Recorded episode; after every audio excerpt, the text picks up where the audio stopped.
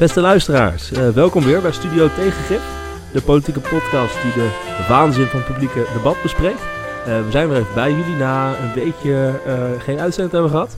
Um, we gaan het vandaag hebben over de vraag hoe het komt dat, ondanks de democratie is en de rijken niet in de meerderheid zijn, het toch op een of andere manier altijd heel goed met ze gaat. Um, en we bespreken we met Randy. hier ben ik, ja. Hallo. Met Wouter. Goedenavond, hallo. Um, en we hebben alle drie eigenlijk ja, eenzelfde soort uh, publieke waanzin gezien deze week. Uh, en het ging ze allemaal over uh, rijkdom die zich op een bepaalde plek eh, concentreert. In Amerika of in Nederland. Um, daar gaan we het vandaag over hebben. Nou, Randy, begin maar. Ja, mag ik beginnen? Ja, dankjewel. je leidt het al een beetje in. Um, wat dus interessant is, het is dit jaar 100 jaar algemeen mannenkiesrecht, moet ik zeggen. Sorry. mannenkiesrecht, Ja. Sorry, mannenkiesrecht. Over twee jaar is het 100 jaar kiesrecht voor iedereen. Boven de 21 dan in elk geval. Goed, daar gaat het niet om. Toen het kiesrecht, uh, toen het mannenkiesrecht werd ingevoerd, uh, toen was de grote vrees um, onder welgestelden dat het volk alle uh, belastingen zou afwentelen op de rijken en op bedrijven, want zij waren in de meerderheid tenslotte. Nou, dat is misschien een terechte vrees. Gelukkig zijn we nu 100 jaar verder. Laten we even kijken hoe dat, uh, hoe dat uitgepakt is. Hoe dat uitgepakt is. De, de boel uh, laten misgaan.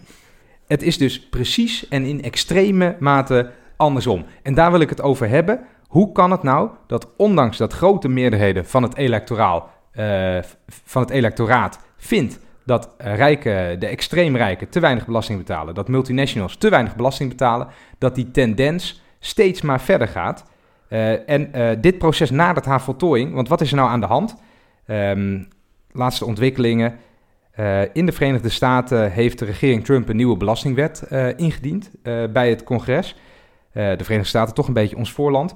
En de wiskunde van dit voorstel is bizar. Laat me even een paar cijfers op, oplezen. het is dus in essentie een gigantische belastingverlaging. Nou, dat klinkt altijd mooi. Maar wat gebeurt er nou echt? 45% van het totale bedrag van anderhalf biljoen euro belastingverlaging gaat naar de rijkste 1% van de Amerikanen. Daarbovenop komt 38% van de totale belastingverlaging gaat uh, naar de rijkste 0,1% um, van de Amerikanen. Wow. Onder de 75.000 euro is iedereen slechter af. Okay, Sorry? Onder de 75.000 euro? Iedereen, iedereen 75.000 dollar, denk ik dan. Dollar. Is iedereen slechter af? Ja, inderdaad. Dit... Mag, mag ik twee vragen stellen? Wie vindt dit? En um, uh, uh, is het niet zo dat er in Amerika gewoon mensen zijn die denken van... ja, dat zijn de job creators, die gaan het fixen voor iedereen. Ja, wie, wie deze cijfers uh, ja, wie heeft opgedist. Dit? dit is het, het, Budget Office die dit heeft voorgerekend. Dus het zijn, ik ga ervan uit dat dit betrouwbare cijfers zijn. Nou, dat kan, je kan er een miljardje naast zitten, maar het is, het, het is extreem, extreem, extreem scheef. En economisch gezien, je tweede vraag, economisch gezien heeft dit geen enkele grond. er worden altijd twee dingen aangehaald. Een soort supply-side economics van we voeren belastingverlagingen door voor de extreem rijken. En dan uh, drippelt, uh, drippelt het allemaal down naar de gewone mensen. Nou, we doen dit al 30 jaar. Er drippelt, er drippelt helemaal, niks, uh, helemaal niks down. Tweede argument wat altijd wordt aangehaald is dat dit de bedrijfsinvesteringen verbetert. Mm -hmm. Dat wil ook niet te economisch worden. Maar wat je, nu, wat je nu juist ziet is dat grote de winsten van het grootbedrijf zijn de afgelopen jaren ongeveer verdubbeld in het hele westerse wereld.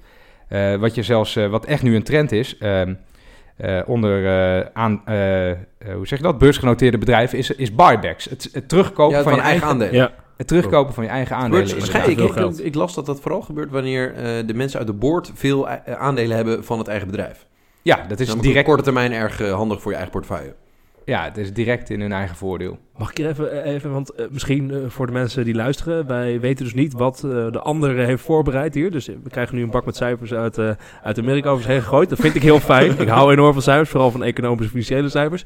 Maar ik denk alleen, hoeveel komt er nou dan echt bij de onderkant terecht van het belastingvoorstel? Of, of misschien zelfs van bij de middenklasse? Want dus helemaal niks. Nie, niks onder de 75.000 dollar. Komt niks bij niks, hen terecht. Dus helemaal niks. En hoe ja. wordt er hierop gereageerd in Amerika? Want dit zou in alle kranten moeten staan. De tv-zenders zouden moeten ontploffen. Uh, social media, Facebook, Twitter, alles zou los moeten gaan. Hoe gaat het daar? Nou, dit is dus precies waar ik het over wil hebben. Uh, terwijl iedereen zich altijd helemaal opvreet om iedere euro aan, uh, aan uitkeringsfraude, ja. gebeurt deze duizend miljoen maal grotere zwendel Eh, gebeurt zonder, zonder al te veel, ehm, hoe zeg je dat, zonder al te veel publieke aandacht. En volgens mij is het, is het eh, en we hebben het er wel eens vaker over gehad, eh, is dat dus de oudste truc. Je, je, hitst, het, eh, je hitst het volk, eh, dat je eigenlijk economisch gezien berooft, hits je op met eh tirades tegen buitenlanders, Mexicanen. in- Build that wall, drain that swamp, dat soort gekkigheid. dat soort geleuter. Ehm, en je leidt de aandacht gewoon af. Je leidt de aandacht Maar af dit- van waar de echte zwendel gebeurt. Maar jij, jij kent dit. Ik bedoel, Dit is, dit is geen zwendel. Dit is gewoon een, hè, ik zeg even flauw, dit is, een, dit is gewoon een wet die door eh, het congres daar aangenomen gaat worden. Wat nu overal bekend is. Ja. Dus iedereen kan hierop reageren. Hè? Dus het is niet dat, dit, dit is bekende informatie. Waarom gebeurt er niks? Waarom is er niemand die hierop reageert? ja, maar dit, Je kan niet even zeggen, oh ja, trouwens, we zijn nu ook een muur aan het bouwen in Mexico. Als jullie even daar naar kijken. Dat is nu niet aan de hand, toch? Ja, maar dit is niet een plotseling, eh, hoe zeg je dat? Dit is niet een plotseling overval. Dit is voor, in mijn ogen is dit de voltooiing van een proces wat al decennia aan de gang is. Ja. De afgelopen decennia is, is, de, is het besteedbaar inkomen van de middenklasse eh geflatlined, volledig gestagneerd. Ja. Eh, is het inkomen steeds meer naar de, echt de, de top van de top van de top toe gegaan. Ja, en, Maar eh, dan is de interessante vraag toch, hoe krijgen ze het voor elkaar om mensen erin, eh, nee, mensen te laten, blijven laten geloven dat het een goed idee is dat de, de, de, de eh, vrij- belastingvrijstellingen voor de top en voor het grootbedrijf, dat dat langzaam wel bij iedereen aan gaat komen. Terwijl de afgelopen 30 jaar laat zien dat het niet het geval is. Ja, en vooral, vooral deze afgelopen verkiezingen in Amerika. Hillary tegen, tegen Donald. Zeg maar. Het ging over de vraag van oké, establishment alleen maar voor de elite bezig. En we hebben een Trump die komt op voor de boze, blanke man en vrouw uit het zuiden. Waar nooit naar is geluisterd. Die nooit heeft meegeprofiteerd van al die welvaart. En daarom stemmen ze op Trump. En nu ineens zie je dit gebeuren. Hoe, dat, dat is toch, en er is geen reactie. Hoe kan dat? Ik vind het echt bizar. Ja, ik denk, kijk, wat je wel altijd ziet, dat eh, in de publieke opinie zijn mensen hier tegen. Eh, maar des, dat is dus het interessante. Ze hebben het nog wel een beetje door en ze zijn er tegen. Eh, maar desondanks eh, gaat het gewoon door. Ja, zelfs hier. hè. De publieke opinie is ook denk ik wel tegen de verlaging of de afschaffing van dividendbelasting. Maar dat gebeurt gewoon.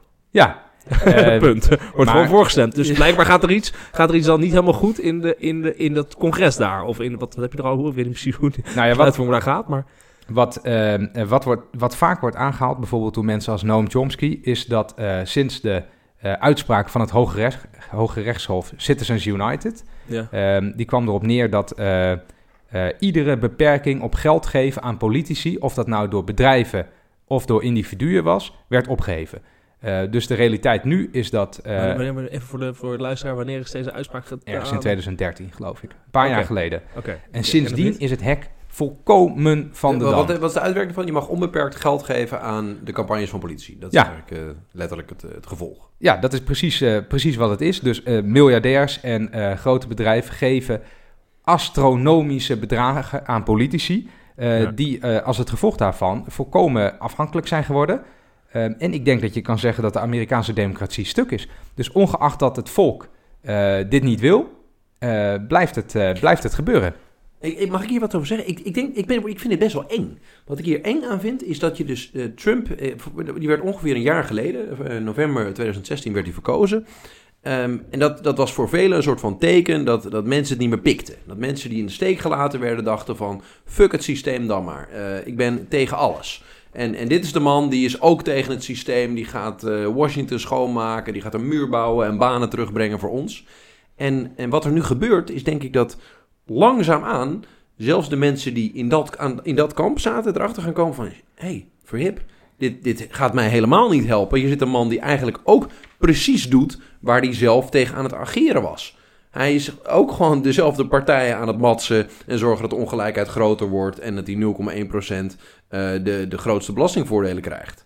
Eh, en dat, dat was niet waar ik voor stemde. Ja, maar er is wel een verschil. Denk ik Ja. een heel groot verschil. Namelijk dat, eh was niet in Nederland ook wel. Je kan zeg maar de grote massa, kan je heel tevreden houden als politicus door je op sociaal-culturele thema's zeg maar heel heftig uit te spreken. Hè, dus nu, nou, ja, we hebben hier in de Nederland schijnen we, ik heb niks van gemerkt, een zwarte piet discussie te hebben. Als je daar Die, zouden wij ontkennen. Wij hadden besloten dat we die zouden ontkennen. Maar als je daar dus een, een heftig verhaal eh, op houdt, dan kan je dus mensen aan je binden. Als je met z'n allen gaat roepen dat je vindt dat er een, eh, Nederlandse vlag in de Tweede Kamer moet hangen. En dan moet je Wilhelmus zingen. En moeten we allen langs de nachtwacht. En het is een nationale identiteit. En er moeten minder buitenlanders naar binnen. Dan kan je volgens mij ehm, de, de grote meute best wel tevreden houden. Want uiteindelijk, dat financieel-economische, dat, dat blijkbaar doet dat toch minder met mensen, hè? psychologisch of zo. Dat is een beetje hier. Dus blijkbaar kan Trump door, door gewoon te roepen... we gaan hem- die Mexicanen tegenhouden met een muur. En eh De Chinezen Ja. zijn boelmannen. eh, Chinezen noemen, boemannen en eh, vrouwen, weet ik veel wat. En eh, dat kan hij allemaal roepen. Eh, en dan krijgt hij blijkbaar toch een heel groot gedeelte van die, van die, van die witte Ja, boze mannen mee. En vergeet ook niet, ehm, in de Verenigde Staten is eh, de media echt een drama. Ehm, je gaat bijna denken, omdat Trump zegt de media is, is waardeloos, zal het wel goed zijn. Nee, het is echt verschrikkelijk. Ehm, de media is ook eh, voor een heel groot deel eh, opgekocht de afgelopen jaren door, door dezelfde corporate interests, door dezelfde miljardairs die nu zo profiteren Ja, van deze belastingverlaging. Die nogmaals de laatste is in een lange, lange reeks van belastingverlagingen. Maar dat is zo interessant, want blijkbaar vinden, het, eh, vinden heel veel mensen... eh, het is veel interessanter om te stemmen op iemand die zegt wat hij of zij denkt.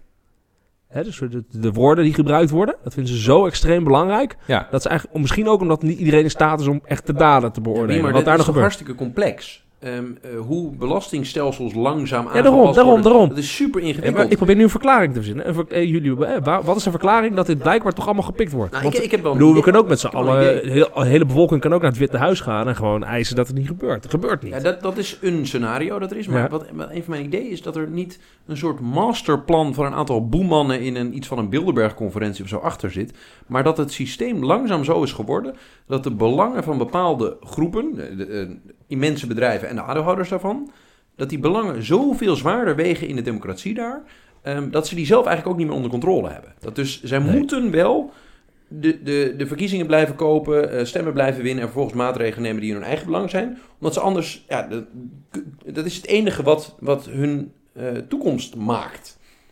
Eh, dus dus als ik, je bent onderdeel van het systeem of je, je moet het helemaal veranderen. Ja. Want je kan daar gewoon invloed kopen. En als de media die het, de, de waarheid van mensen bepaalt ook gewoon gekocht kan worden, dan is denk ik het einde zoek. Ja, ik denk ook dat dit een gevaarlijk spel is dat ook niet, ehm, niet goed kan gaan. Ik denk dat je misschien wel kan zeggen dat eh, de Amerikaanse democratie stuk is. Ik had laatst een hele sombere gedachte. En ik, ik, ik heb ooit geschiedenis gestudeerd. En ik, ik dacht terug aan, aan de Franse revolutie. ik had een soort droom dat er in Amerika ook zoiets ging plaatsvinden. Omdat het eigenlijk niet anders kon. Dat is de horigen niet meer zouden pikken. Ik denk dat de, dat de historische parallellen in overvloed eh, aanwezig zijn voor een situatie waarin een extreme concentratie van welvaart eh, maar niet opgelost kan worden door, de, door het bestaande politieke systeem. En dat ziet er allemaal heel, heel droevig uit. Ehm, ik- Randy is van nature heel, heel positief Nou- in zijn analyses. Is er nog een sprankje hoop? Ik la- ja, ze- zeker. Ik, eh, ik, ik, ik weet het beeld, ik ken het beeld dat jullie van mij hebben. Dus ik wou, ik wou dit segment afsluiten met een positieve noot. Oké. Eh, de OECD heeft cijfers gepresenteerd waaruit blijkt dat in alle OECD-landen eh, de vermogensongelijkheid, het deel dat eh, door de rijkste 1% in bezit is, in extreme mate is eh, toegenomen. De ongelijkheid is toegenomen. Ja. Behalve in één land, pam, pam, pam, pam, pam, Nederland. Wow, Vermogensongelijkheid, niet de inkomen. vermogensongelijkheid. Oké, Nederland doet het het allerbeste van alle OECD-landen. En is ook eh, het enige land waar de ongelijkheid niet is toegenomen. En mijn moraliserende boodschap aan het einde van dit segment zou zijn: bewaak dit. Dit is zo ontzettend belangrijk. En als je eenmaal de grens overgaat, zoals in de VS, dat is dus wel mijn negatieve eh, grondhouding, dan komt het waarschijnlijk nooit meer goed. Dus lieve mensen, bewaak dit. Het is iets heel goeds wat we hebben gedaan met z'n allen in Nederland. Wauw, oproep van eh Randy. Allemaal klappen, klappen. Het applaus hier, eh, applaus hier om me heen. Ongelooflijk, ongelooflijk. De kat die liep net even over de tafel. That's it. Ehm, ja, we gaan naar de volgende. Wouter, jij hebt eh, ook iets over eh, belastingen.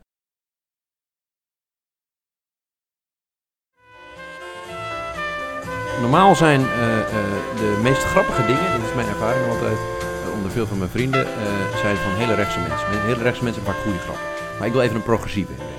Ehm, er zitten een CEO van een groot bedrijf, een witte arbeider en een migrant zitten bij elkaar en ze hebben 20 taartjes. De CEO die pakt 19 taartjes en die zegt, terwijl hij hem aanwijst, tegen de blanke arbeider, pas op, die migrant die pakt jouw taartje af. dit, Ja. dit, is Ja, dit voor mij iets wat, wat ontzettend eh, eh, kenmerkend is. Want we hadden het net over wat er in Amerika allemaal aan het gebeuren is. Waar daar belastingen eh, worden verlaagd voor een, de, de, de, de, allerrijkste 1% of 0,1%. En ehm, wat, je, wat je vaak ziet is dat in Nederland ehm, eh, als we niet oppassen, het een soort van VS met de scherpe randjes eraf gezaagd wordt. En dat zag ik eigenlijk de afgelopen weken hier ook gebeuren. Ons, ons debat is heel veel gegaan over een aantal culturele zaken. Dus we hebben het heel uitgebreid gehad over een vlag in de Tweede Kamer. We hebben het over eh, hoe wel of niet de, de Sinterklaas-Zwarte Piet discussie gevoerd mag worden. Of er wel of niet een, eh, een liedje op, op alle scholen gezongen moet worden. Ehm, en, en daarmee worden de mensen eigenlijk in mijn ogen zoet gehouden. De mensen worden zoet gehouden. En ehm, tegelijkertijd zie ik een aantal maatregelen genomen worden... die ook in Nederland de eh, positie van de, de minder bedeelden... ehm, eigenlijk helemaal niet ten goede komen. En waarbij de mensen die aan de top zitten eh, gewoon gematst worden. Ehm, een paar mooie daarvan. Ja, we hebben eerst hebben de, afschaffing van de dividendbelasting gezien. Waarbij eh, voornamelijk ja, dus 1,4 miljard wordt gegeven aan, eh, aan buitenlandse aandeelhouders. Ehm, eh, we hebben de wet Hille, waar flink tegen geageerd is om die te behouden. Eh, ik zal even proberen uit te leggen wat dat inhoudt. Als je een, een eigen huis bezit, dan krijg je, betaal je, je hebt je hypotheekrenteaftrek. Ehm, en eh, je kan eh, weer van je eigen woningforfait kan je eh, terugkrijgen. Zeg je het zo goed, Wiemer? Randy weet het het beste, maar ik denk dat je het lastig hebt om het nu Ja. uit te leggen. Want Randy weet er iets eh, inhoudelijk van wegens zijn werk. En denk ik Oké. ook. Oh, ja. ik zal het proberen simpel te zeggen. Maar het is simpel zeg, Bert Hille zorgt er gewoon voor dat op het moment dat Oh, dat je je- het totaal afgeloste huis hebt, Mhm. ehm, dat je dan daar eh, eh, een subsidie krijgt. Dus je hoeft geen belasting te betalen. Ehm, en dat wordt nu afgeschaft, die Ja. korting. Ehm, het maar dit is eigenlijk gewoon, dit is, je, je kreeg ehm, eh, het terug wanneer je huis had afgelost, wanneer je dus gewoon enkel vermogen had. Ja. En nu zijn er allerlei partijen die willen dat niet afschaffen. Die willen, willen het behouden voor bepaalde mensen. Nou, dat is, dat is voor mij zo'n maatregel, net als die dividendbelasting. En je, deze week was in het nieuws dat eh, we een, een test willen gaan doen om gehandicapten te laten werken onder het minimumloon. Arbeidsgehandicapten. Arbeidsgehandicapten. Altijd een goed idee. Ehm, en dit, dit vond ik alle drie zaken waarvan ik dacht van, oh shit. Ook in Nederland zijn we ehm, heel langzaam alleen maatregelen aan het nemen die het aan de bovenkant van de piramide steeds makkelijker maken om je leven te leiden en zo min mogelijk belasting te hoeven betalen. En die echt neerkomen op de schouders van eh, de, de, de 60 tot 90 procent mensen die het wat moeilijker in het leven hebben. En die mensen worden zoet gehouden, om het maar eens even heel erg zwart-wit te zetten, zeggen, met discussies die er eigenlijk niet toe doen. Met discussies over, eh, over Zwarte Piet, over eh, nationalisme, over een vlag, over, over eh, een, een liedje zingen.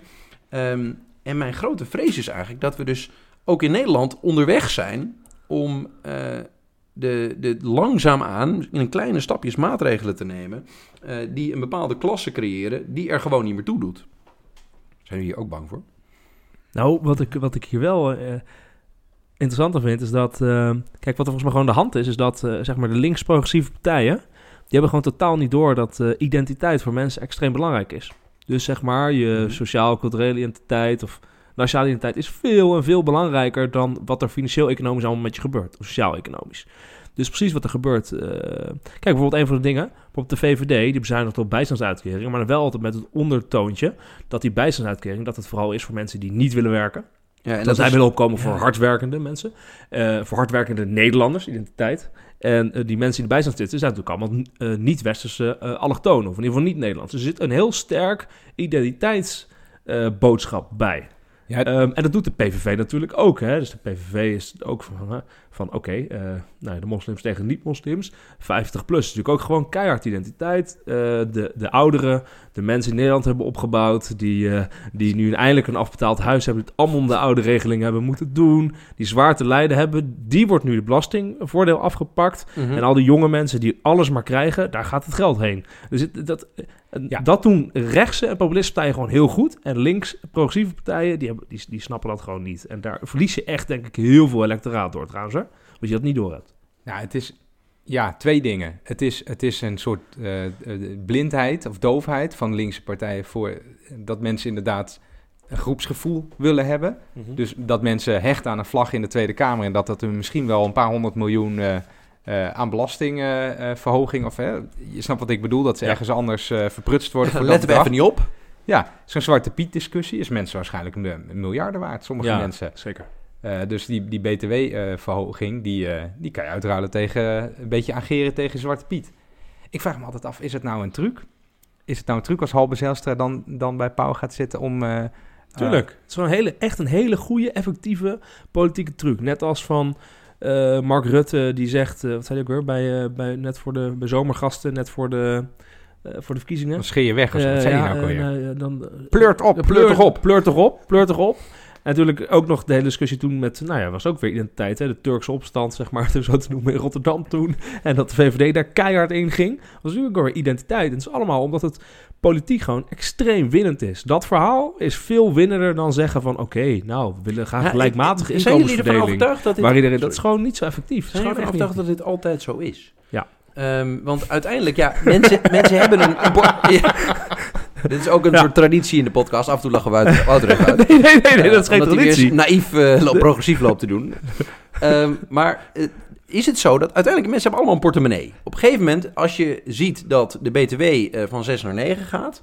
en dat er wel dividendbelasting wordt afgeschaft... en dat het 1,4 miljard kost op onze schatkist... op een gegeven moment gaan mensen het voelen in de portemonnee...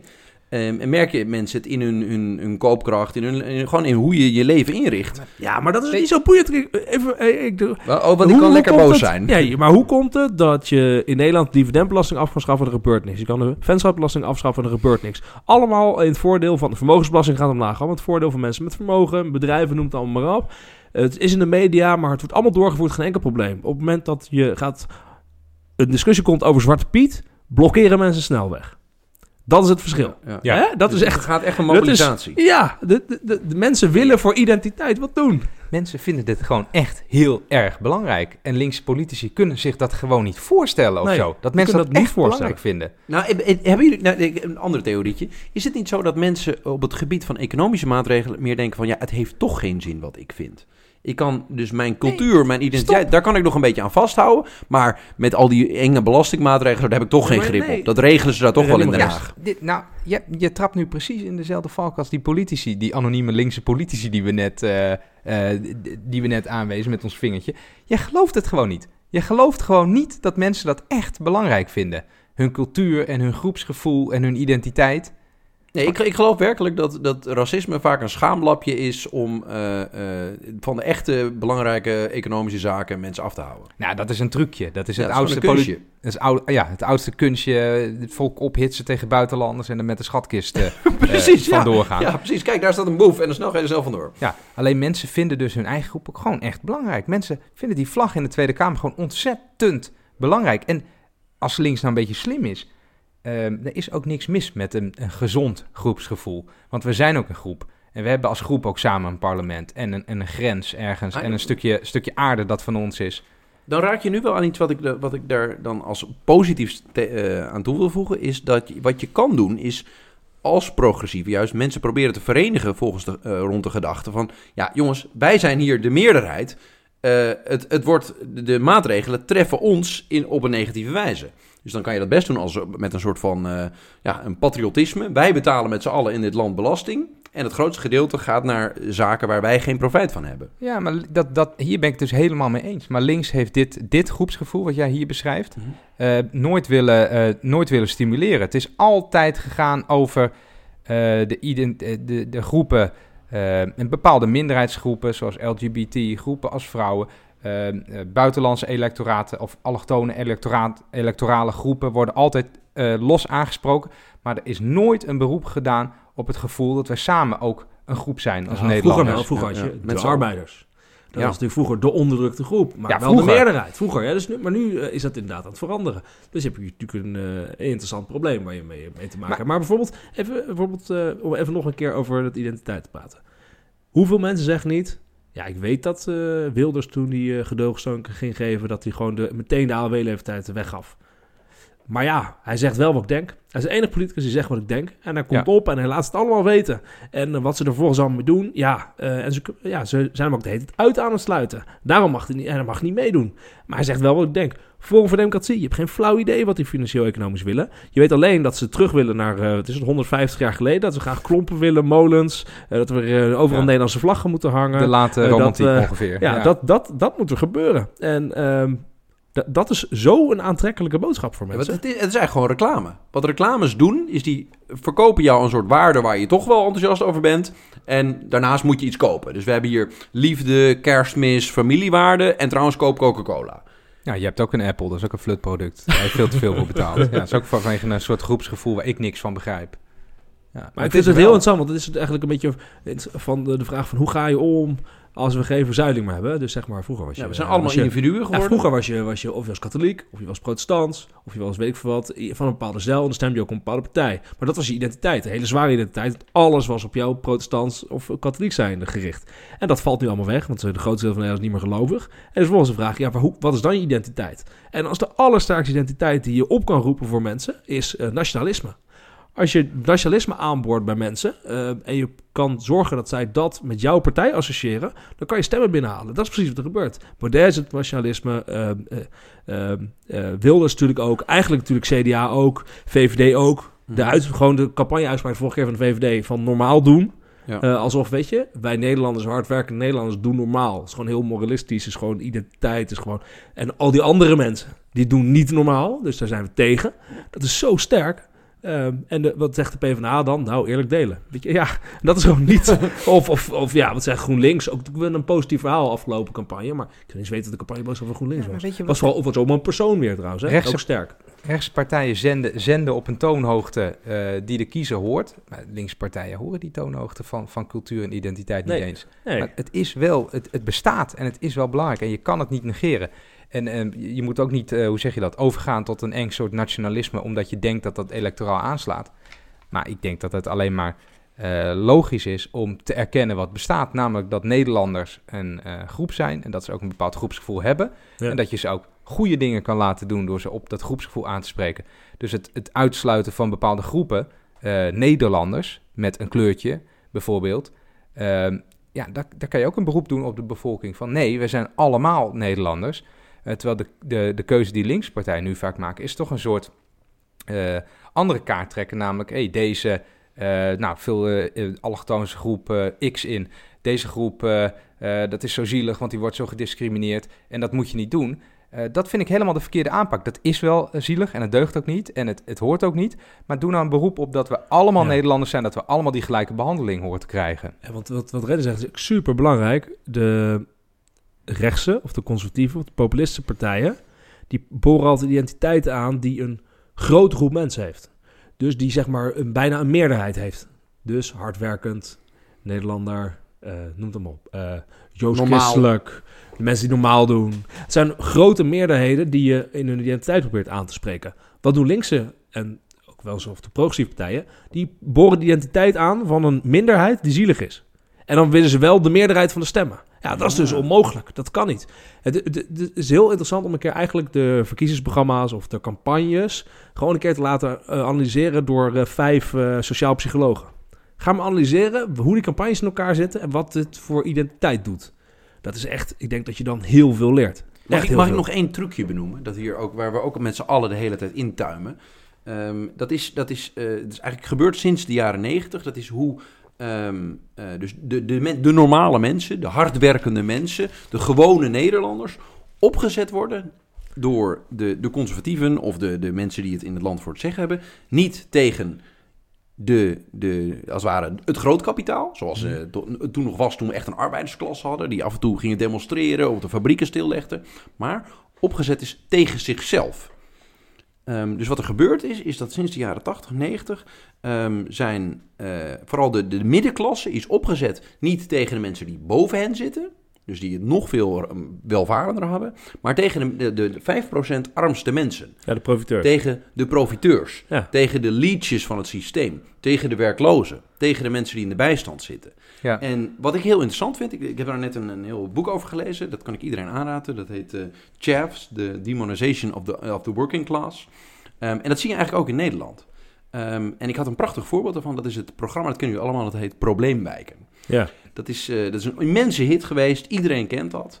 En daarin wordt laten zien wat er gebeurt in de, de oude arbeiderswijken van Nederland, waar het helemaal misgaat. Wordt Mhm. volledig overtrokken. Nou, daar zit iedereen aan de drank, allemaal sociale problemen.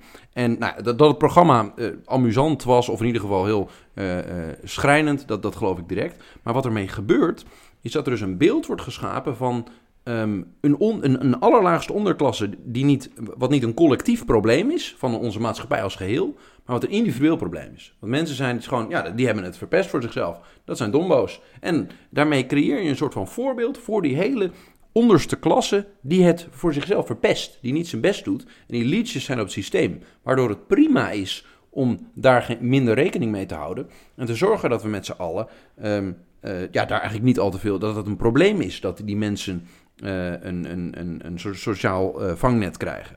Vind ik een hele interessante ontwikkeling. Sterker nog, het, gaat nog veel verder. Je, ehm, als jij een, eh, een, eh, een, zeg maar een, een onderklasse in de bijstand, of vaak nog zwart werkend erbij in die problemen, als je die wegzet als profiteurs, Mhm. dan is harde maatregelen op die groep, dus Goed. lagere uitkeringen, ga maar werk zoeken, we gaan je streng controleren, dat is zelfs nog solidair. Hè? Dus de solidariteit eigenlijk. Wij zorgen ervoor met elkaar dat ons systeem niet wordt vervuild door mensen of die dus eh, aan het profiteren zijn of aan het frauderen zijn. Dus het is extreem. eh, eh, het is dus, dus die, re- die rechtse boodschap, die, dat neoliberale beleid en deze agenda, Mhm. wordt gewoon doorgevoerd met een, een links verhaal. Het is heel solidair om die mensen aan te pakken. Ja, en als het, als het zo zou zitten, dan is het misschien ook wel zo.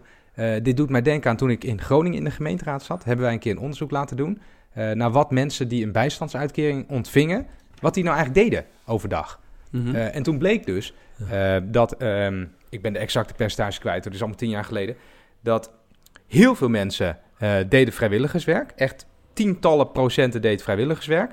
Een ongeveer even groot deel was mantelzorgen.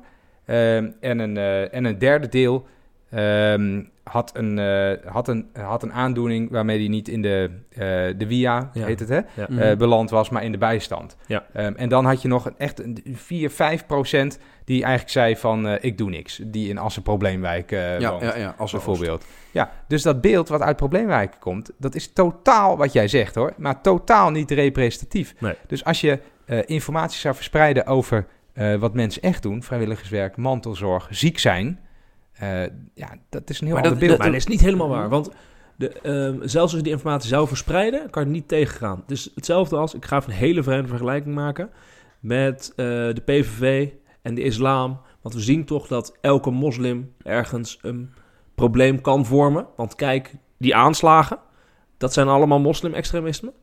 Terwijl dat dus echt 0,0000000 zoveel procent is van alle mensen die in de islam geloven. Dat is een beetje zoals jouw verhaal nu met de bijstand. Hè? Van, dit is dus eh eh 5% of nog minder, wat echt een fraudeur Ja. is. Maar dat is dan Ja. gelijk representatief voor de hele groep. En dat kan je ook in, je, in de, de, hoofden van mensen niet goed eh, Ik- rationeel tegengaan. Helemaal eens met wat je zegt. Alleen eh, de realiteit is wel dat linkse politici zijn de afgelopen jaar ook wel heel erg meegegaan in het frame. Ja. Dat uitkeringstrekkers eigenlijk profiteurs zijn. En als dat niet zo is, dan moet, je dat ook, dan moet je er ook niet in meegaan. Dat is niet eerlijk. Dat is waar. Daar heb je 100% gelijk in. Oké, oké. Ehm, Wiemar, volgens mij gaan we door naar het, eh, het laatste segment. Eh, jij wou ook nog eh, iets inbrengen rondom dit thema. Vertel. Ja, over belastingen voor de. of het niet krijgen van belastingen voor de allerrijkste. Ik volg af en toe Robert Wendt op Twitter. Dat is een econoom bij de WRR. Dat is de twitterende econoom. En die, die heeft altijd briljante verhaaltjes. En die geeft je dan af en toe informatie. En hij heeft nu een. Echt een cadeautje gegeven. Als het even zo te zeggen. is een slecht verhaal. Oké. ehm, Als je maar niet begint met een een grap. Ja. Ik ga geen grap doen. Hij heeft een, studie doorgestuurd van een, eh, een Amerikaanse socioloog. eh, die aan Stanford University eh, onderzoek doet. En die man heet Crystal Ball Young. En ehm, dat is een socioloog. En die heeft er dus een hobby van gemaakt om ongelijkheid te, te, te analyseren. En die wil heel graag, en dat doet hij dus ook, grote datasets. Grote datasets gebruikt hij. En dan gaat hij eh, eigenlijk veel, veel economische theorieën gaat hij dus toetsen, empirisch. Gewoon op, op basis van die data. Dat is natuurlijk geweldig, want het blijkt natuurlijk altijd dat eh, nou ja, economische theorieën niet kloppen in de, in de werkelijkheid. En wat deze man dus nu heeft gedaan, hij heeft dus getoetst. Klopt de bewering dat als je dat miljonairs, dat die dus verhuizen op het moment dat je de belastingen verhoogt. Ja, ik kan het antwoord wel raden. En eh, dat is natuurlijk interessant. De afgelopen verkiezingen, eh, campagne was hier ook weer. Volgens mij heeft eh, de- eh, Rutte dat een keer geroepen. Ik weet niet wat de campagne daarvoor ook van. Het ja, als we- vestigingsklimaat, Ja. dat is heilig. Nee, nee, nee. Dit ging dus over van, wil je een toptarief voor de, Oh, voor de hoogste inkomens? Nee, dat moet je doen, want dan gaat iedereen verhuizen. Dus alle, alle miljonairs gaan weg, alle mensen die wat kunnen Ja. gaan allemaal verhuizen. eens allemaal naar Somalië. ja, gaan ze allemaal naar San Marino of naar, of naar Londen of weet ik wat. En hij heeft dus een onderzoek gedaan en het is fenomenaal. Hij zegt dus, eh, oké, ehm, van alle miljonairs, eh, in Amerika van de afgelopen jaren ehm, is maar 5% verhuisd. 5%. En de is rest het- dat is Blijft dus allemaal op dezelfde plek wonen. En waarom blijft die, zel- die rest allemaal, van die 5% die verhuisd is, misschien goed om te zeggen, is 85% is verhuisd naar een staat of naar een ander land met hetzelfde belastingregime. En maar 15% is naar een staat of een ander land verhuisd met een lagere belastingdruk voor miljonairs. Dus, dus, het, is, het is gewoon zo dat... Sorry, het, het is, het is niet alleen niet waar, het is zelfs helemaal omgekeerd. Ja, dat klopt. En het fascinerende is dus dat hij zegt, en die, die, die, eh, die Chris Jong, dat is dus een socioloog, hè, dus die heeft dan andere ideeën om, het, om te, te verklaren waarom mensen verhuizen, behalve alleen maar financiële prikkels. Dus hij zegt van, het is eigenlijk heel simpel, op het moment dat je miljonair bent, dan ben je vaak, ben je al 40 of ouder, 40 jaar of ouder. En je zit dus in je eigen omgeving, dus je land waar je bent opgegroeid, bent geboren, en je hebt natuurlijk kinderen, en je hebt een sociale omgeving opgebouwd, en je kent het hier, en je wilt dan eigenlijk helemaal niet meer weg. En als de belasting wat verhoogd wordt, het maakt allemaal niet uit, je betaalt het toch wel. Ehm, ehm, en dat is natuurlijk dus interessant. En wat hij dus zegt van ja, maar ehm, is het dan zo dat zeg maar mensen die wat kunnen, die hoog opgeleid zijn, dan zijn dan echt niet aan het migreren. En hij zegt van ja, dat is wel waar, dat vind je natuurlijk in data. Jonge mensen met hoge opleidingen en die later dus de potentie hebben om miljonair te worden, die, eh, die verhuizen wel, maar vooral eh, na hun studie, omdat ze een eerste baan gaan zoeken, en in een studieperiode.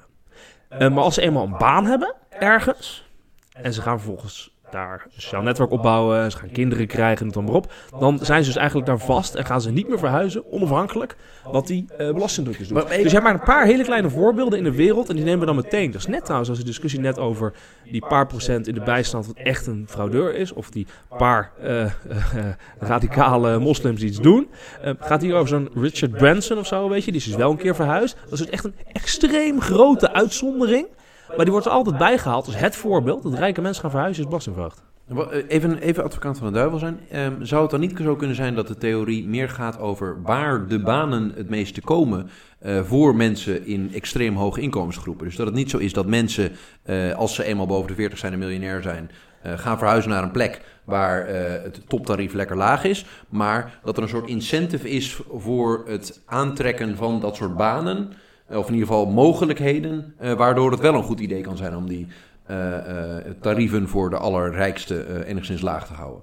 Dus dat het niet zo is dat de Nee, mobiliteit wat, van wat hij zegt, dat is nog veel leuker. Ja, ik zal Het eerst- verkeerd ja, begrijpen, Nee, nee, dat is leg helemaal uit. goed. Dat is helemaal goed. dat is helemaal goed wat hij zegt. En, eh, kijk, hij zegt dus, oké, eh, miljonairs die verhuizen dus bijna niet. Echt gewoon bijna niet.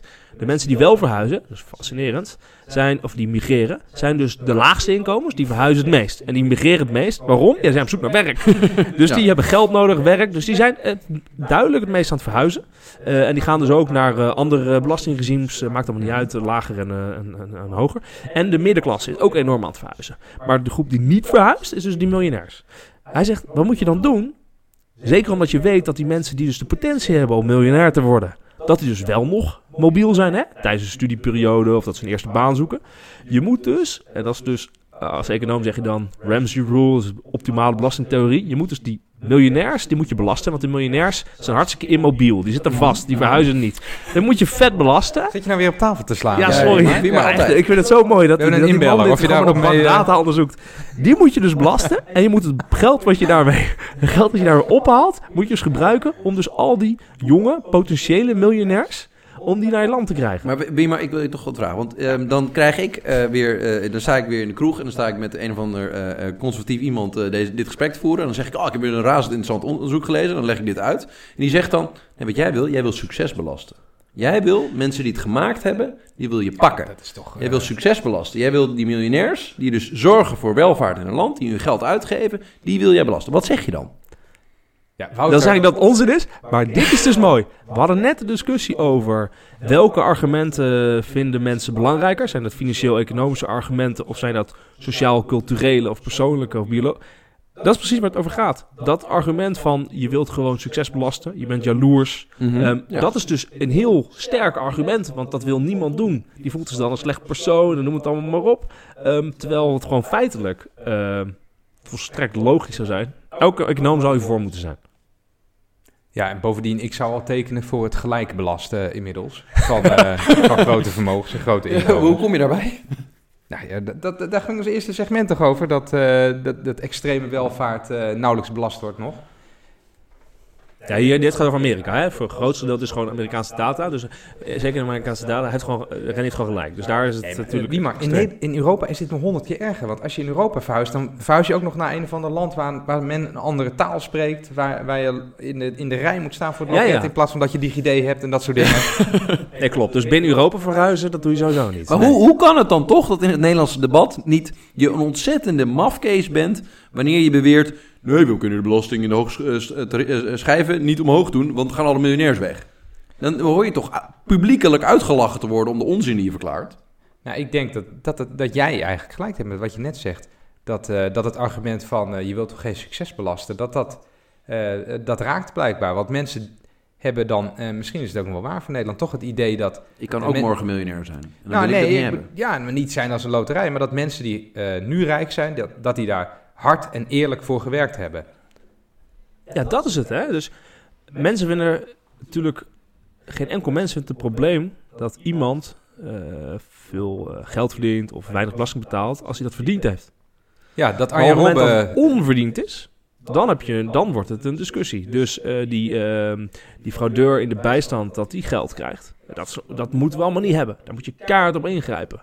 Ehm, maar op het moment dat iemand dus het verhaal gaat maken, ja, maar die miljonairs, die hebben het allemaal hard voor gewerkt, ze hebben het verdiend, hebben het zelf gedaan, met eigen hand het opgebouwd. Net als die ouderen die een eh, huis hebben afbetaald, totaal afbetaald, vanaf de Tweede Wereldoorlog aan het werk, toen jij nog niet eens geboren was. En nu ineens ga je daar, ga je de- daar even- de, belasting, de belastingvoordeel afhalen. En dat is echt enorm naar. Mens ben je dan. Dan ben je echt jaloers. maar ik wil nog even een situatie. Dus, dus eigenlijk zijn we in een situatie gekomen waar, stel, jij bent een miljonair. Je bent ontzettend rijk en je hebt dat met een of ander bedrijf verdiend dat je zelf hebt opgebouwd. En op een gegeven moment besluit je, weet je wat, ik neem een of andere fiscaal adviseur in dienst en die help ik om een constructie te voorzien, eh, verzinnen om mijn geld eh, in Ierland en Guernsey, eh, te stallen, zodat ik bijna geen belasting hoef te betalen, omdat ik het allemaal in BV'tjes wegzet.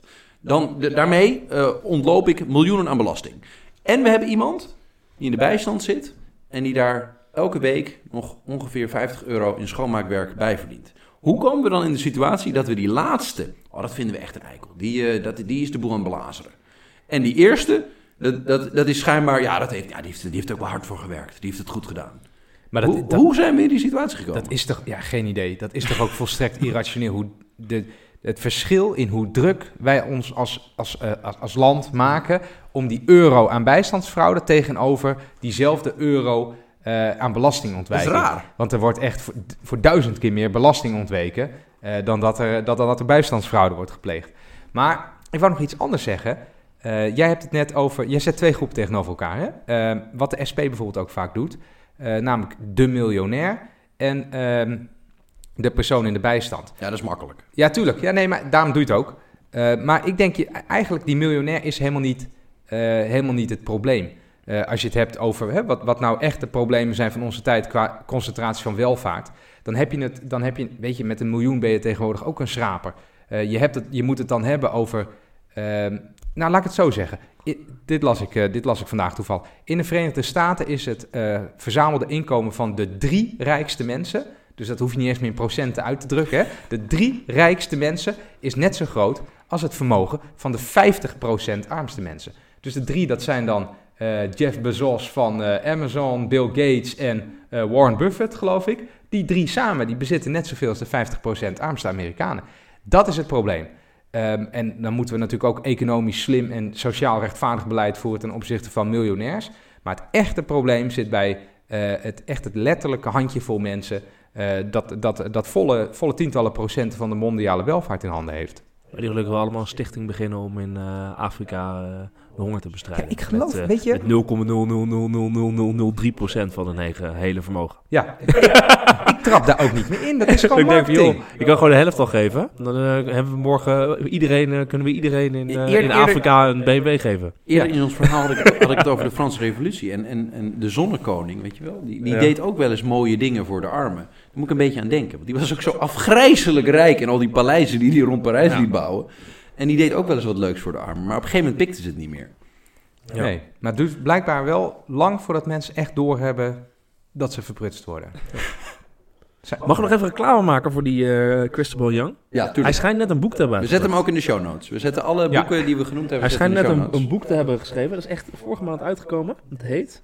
Oh, Dit is dus niet een of andere obscure academicus die je aanhaalt, maar gewoon echt een, is eh, een, eh, gearriveerd iemand. The Myth of Millionaire Tax Flight. How Place Still Matters for the Rich. Van eh Christopher Young.